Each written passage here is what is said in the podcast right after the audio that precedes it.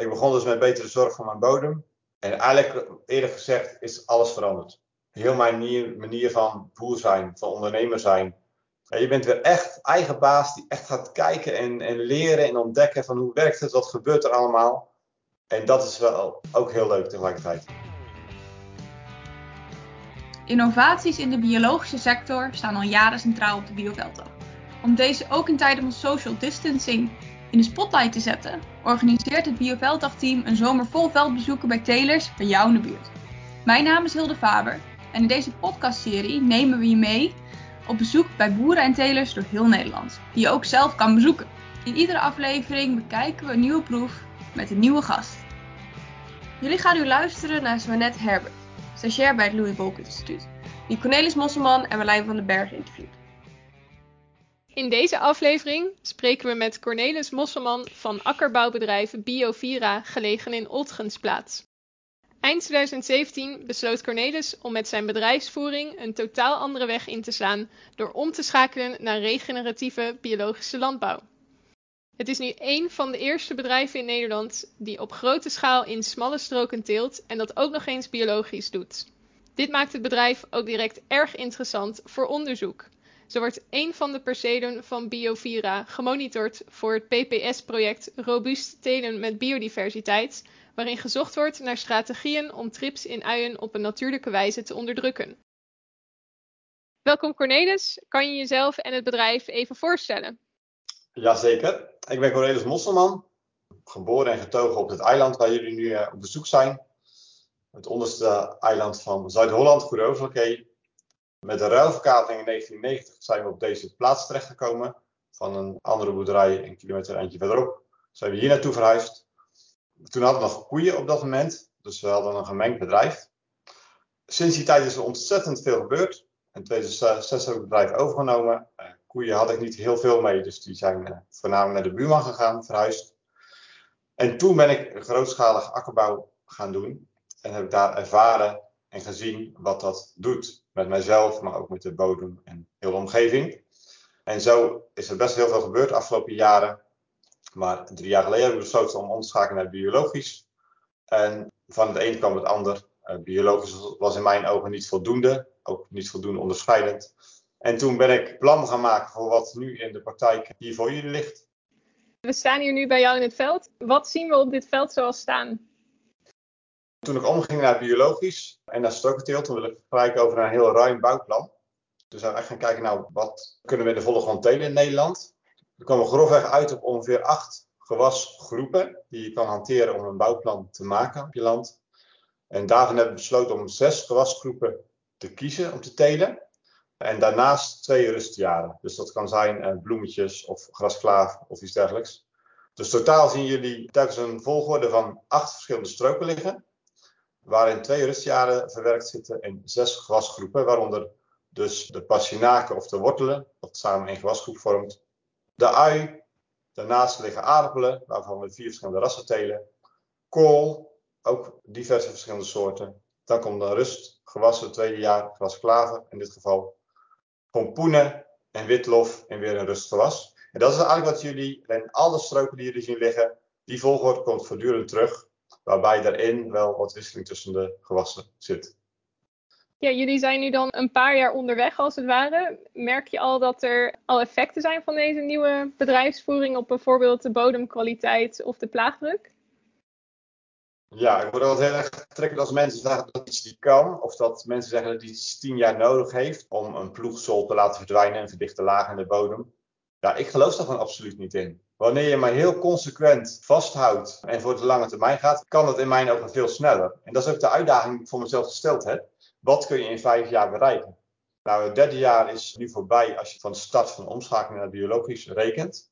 Ja, en ik ben zelfs echt ontzettend verrast over hoe je bodem verandert. Ik liep waar we nu staan drie jaar geleden door een veld uien heen. En had het best wel een flinke bui geregend. Was die grond dichtgeslagen. Toen liep ik ook van hoe moet ik hier ooit, als ik straks bio misschien word, hoe moet ik ooit hier met de schoffelmachine door deze uien? Die vonden zo hard als beton. Nou, vooraan is zware zavel, tot wel 60% afslibbaar. Daar had ik helemaal een hard hoofd in. Er viel helemaal niks mee te beginnen met die front. En het leuke is dat nu dus drie jaar later Als ik schoffel, gaat het op die zware, hele zware, pittige klei veel beter als op de grond achteraan, die ietsje slijmgevoelig is. Dus het, is enorm. Het leven in de bodem, op de bodem, dat is echt, echt ongelooflijk. Ik had dat niet voor mogelijk gehouden zelf. En dat is ook echt een van de dingen die mij heel erg motiveert om hiermee door te gaan. Maar ik heb nog steeds een Colorado-kever die erin zit. Ik heb nog steeds een trips die af en toe uh, schade veroorzaakt. Ik heb slakken die massaal wortels opgegeten hebben, waardoor ik wat banen over heb moeten zaaien. Dat hoort bij die overgang van het ene systeem naar het andere systeem. Maar het blijft wel voortdurend een keuze om los te laten en erop vertrouwen dat op termijn daar een bepaald evenwicht komt. En dat is waar we nu op dat moment zitten. En wat ik echt heel spannend vind. En tegelijkertijd ook heel mooi om te zien. Ja, dat is voor jezelf dan eigenlijk ook een transitie die je moet doormaken om te durven loslaten en de gangbare praktijken die je gewend was om te doen, om dat achter je te laten. Ja, dat is echt absoluut. Ik begon dus met betere zorg voor mijn bodem. En eigenlijk, eerlijk gezegd, is alles veranderd. Heel mijn manier, manier van boer zijn, van ondernemer zijn, je afzet, alles verandert daarin mee. je bent weer echt eigen baas die echt gaat kijken en, en leren en ontdekken van hoe werkt het, wat gebeurt er allemaal. En dat is wel ook heel leuk tegelijkertijd. Ja, het geeft ook weer een soort vrijheid dus eigenlijk. Ja, ik denk wat ik ervaar, ondanks alle moeite, ondanks alle uitdagingen, ondanks dat ik niet weet of ik over vijf jaar nog boer ben, ik gun het tegelijkertijd iedere boer in Nederland. Want dit is waar ze in heel veel gevallen behoefte aan hebben. Een stukje waardering van mensen om je heen, van je omgeving. De mensen komen automatisch bieden zich aan om spontaan te komen helpen met onkruid bieden of oogst of zulke dingen. Het is gewoon zo gaaf. Alle positiviteit. Dus niet alleen de bodemleven, maar het gaat zoveel breder. Het, het raakt gewoon alle aspecten van je bedrijf. En dat is echt leuk om dat mee te maken. Ja, nog even terugkomen op die vaste rijpaden. Wat voor aanpassingen hebben jullie moeten maken aan jullie machines en manier van telen om in zulke smalle stroken te kunnen telen? Ja, precies. Ik was natuurlijk aan het omschakelen naar biologisch. En ik moet eerlijk zeggen, ik zag daar gewoon behoorlijk tegenop. Want financieel gezien is het qua inkomstendeling zo een behoorlijke aderlating.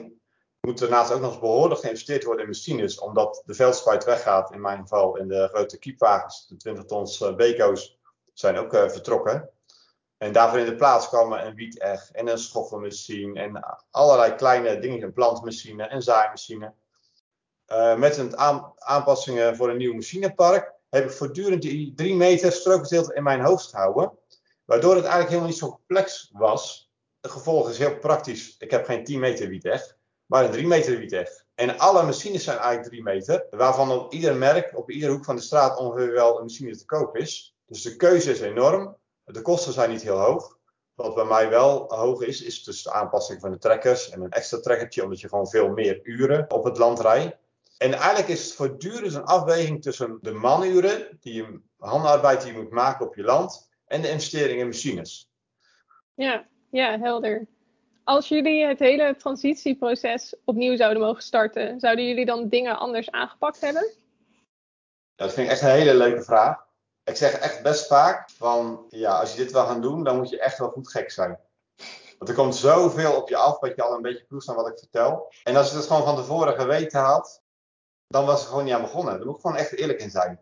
Tegelijkertijd ben ik gewoon gegaan en heb ik best wel principes, keuzes gemaakt. En denk, daar hou we vast. En je moet niet de ene dag A zeggen en de andere dag B. Dus daar gaan we voor. Wat zou je anders gedaan hebben? Nou, heel veel dingen niet. En dat is wel mooi, daar ben ik ook heel dankbaar voor. Ik heb in de website 2018 hebben we die gemaakt geloof ik, begin 2019. Het verhaal wat erop staat, die grote lijn is gewoon nog niks aan veranderd. De machinekeuzes die ik gemaakt heb, stonden toen al vast. Dus dat geeft heel veel rust. Dat was allemaal in orde, dat was goed. Maar ik had stukken vraagstukken, net kennis delen en zo. En hoe laat je partijen zoals een overheid dat ook mee financieren? Daar had ik wat meer over na moeten denken. Alleen het punt is, als ik dat gedaan had, dan was eigenlijk de conclusie geweest dat ik wat te ver vooruit liep. En dat de beleidsmakers en zo helemaal nog niet zo ver waren. Was ik ergens stil gaan zitten. Dus ze vooral gewoon gaan en leren door en ontdekken door te doen. En daarin in die zoektocht partijen meenemen en enthousiasmeren en inspireren. En ik hoop ook dat, dat we op deze manier ook een klein bijdrage aan leveren. En wat zijn jullie toekomstplannen voor de komende jaren? Dit is in mijn ogen echt nog maar het begin van. Tegelijkertijd is het heel omvattend en moet ik eerst kijken om dit echt goed op de rit te krijgen, goed in de vingers te krijgen. Ik moet zeggen dat ik dit tweede seizoen met die smalle strookteelt al veel meer vertrouwen en gevoel heb als vorig jaar. Vorig jaar was het echt heel spannend. Nou, nu weet ik al ongeveer wat gaat komen en ja, heb je veel meer het overzicht. Je hebt het gevoel dat je overzicht hebt. Dus de, de horizon is nu eind dit jaar het oogst helemaal goed laten verlopen, de afzet uit te bouwen. Dat vind ik echt heel belangrijk ook. Vooral in de verbinding in mijn directe omgeving hier vlakbij. En daarna, ja, dat voedselbos blijft me triggeren. Ik zou gewoon heel graag aan de noordwestkant, dus richting de boomgaat die jullie zien, een hectare of vier, vijf voedselbos aan willen leggen. Met daarin tiny houses. Ja, nog meer diversiteit. En ik wil ook graag meerjarige gewassen of bomen of struiken ook in dit plan verwerken. Ik wil ook heel graag een connectie maken met de Galatese haven. Er ligt een natuurspeelplaats, speeltuin. Ik wil heel graag een educatie gaan doen. Voor allemaal op gericht om die verbinding weer te maken tussen de consument en de teler en het verhaal te vertellen. Van mensen, het kan wel, en zowel als telers als aan burgers, het kan wel, maar dan moeten we nu serieuze veranderingen in gang gaan zetten in het voedselsysteem, zodat stukje bij beetje meer en meer een nieuwe duurzame manier van telen mogelijk wordt. En we gewoon echt weer een veel mooier Nederland krijgen.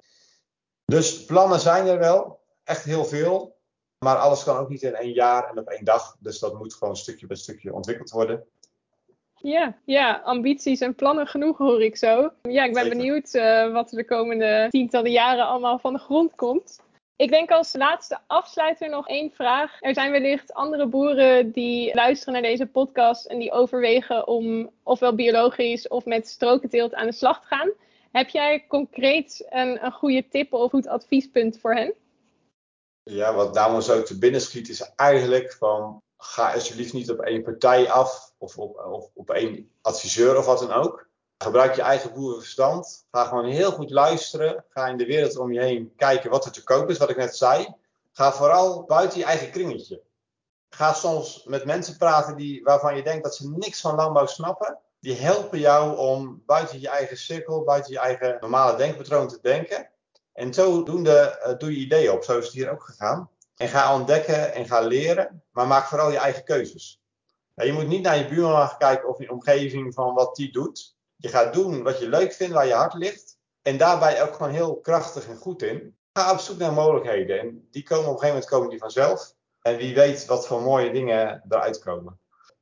Dat zou eigenlijk mijn belangrijkste advies zijn. En als we over deel willen praten, dan, ja, dan zouden we het altijd kunnen in de toekomst. Het lijkt me heel leuk om boeren daarin te inspireren. En uh, dan wens ik echt een hele mooie boerentoekomst. Heel erg bedankt Cornelis van Biovira voor je inspirerende verhaal en het openstellen van een van je percelen voor medetelers en boeren.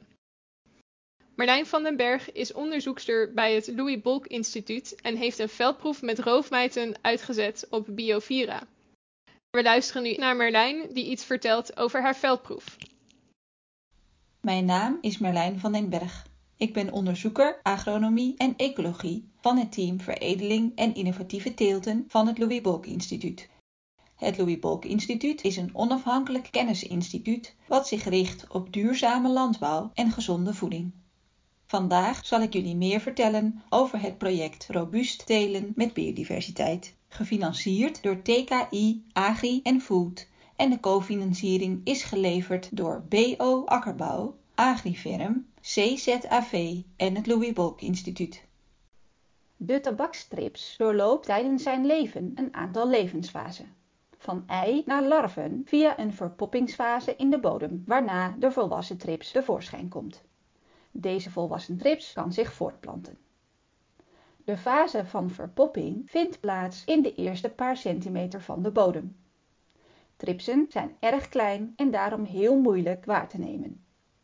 Zo zijn de eieren maar een kwart millimeter lang en een tiende millimeter breed. De populatie van trips kan zeer snel toenemen en ze kunnen zich zowel geslachtelijk als ongeslachtelijk voortplanten. Meerdere factoren zijn van invloed op hoe de tripspopulatie zich ontwikkelt. De aantallen trips kunnen exponentieel toenemen als de omstandigheden gunstig zijn. Er is bijvoorbeeld bekend dat bij een hogere temperatuur de trips zijn levenscyclus sneller voltooid. Omdat een deel van de levenscyclus van trips in de bodem plaatsvindt, willen we onderzoeken of een bodem die rijk is aan predatoren een rol kan spelen in het verminderen van de tripspopulatie. In onze proef onderzoeken we of de aanwezigheid van bodemroofmijten de schade in uien door tabakstrips kan verminderen. Voor deze proef gebruiken wij een roofmijt namelijk de Stratiolelaps schimitis, geleverd door Koppert Biological Systems. Stratiolelaps is een kleine roofmijt van zo'n halve millimeter tot 1 millimeter groot. Ze voeden zich met meerdere soorten bodemorganismen. Net als de verpoppingsfase van tabakstrips leven deze roofmijten in de eerste paar centimeter van de bodem. In deze proef onderzoeken we drie verschillende behandelingen. Uien waar niks aan toegevoegd is. Dit is de controle. Uien waar extra compost is aangebracht op het oppervlakte van de grond. En uien waar we zowel compost als stratiolelapsmijten hebben aangebracht. De aanwezigheid van compost, waarmee we het organisch stofgehalte van de bodem verhogen, zal een bijdrage leveren aan het vochtig houden van de bodem. Van deze roofmijten is namelijk bekend dat ze de voorkeur geven aan een meer vochtige bodem. In deze proef onderzoeken we of de stratiolelapsmijten zich vestigen in de bodem. Daarnaast gaan we onderzoeken of we verschillen zien in zowel de kwaliteit als de opbrengst van de uien. Deze proef, die gestart is in het voorjaar van 2021, zal nog lopen tot september 2021, wanneer wij verwachten de uien te gaan oogsten. Hartelijk bedankt Cornelis en Marlijn voor het deelnemen aan de Biovelddagen en hartelijk bedankt Svanet voor het maken van de podcast. Meer informatie over Biovira en de veldbezoeken is te vinden op de website www.biovelddagen.nl. Hier zijn ook alle contactgegevens van Biovira te vinden.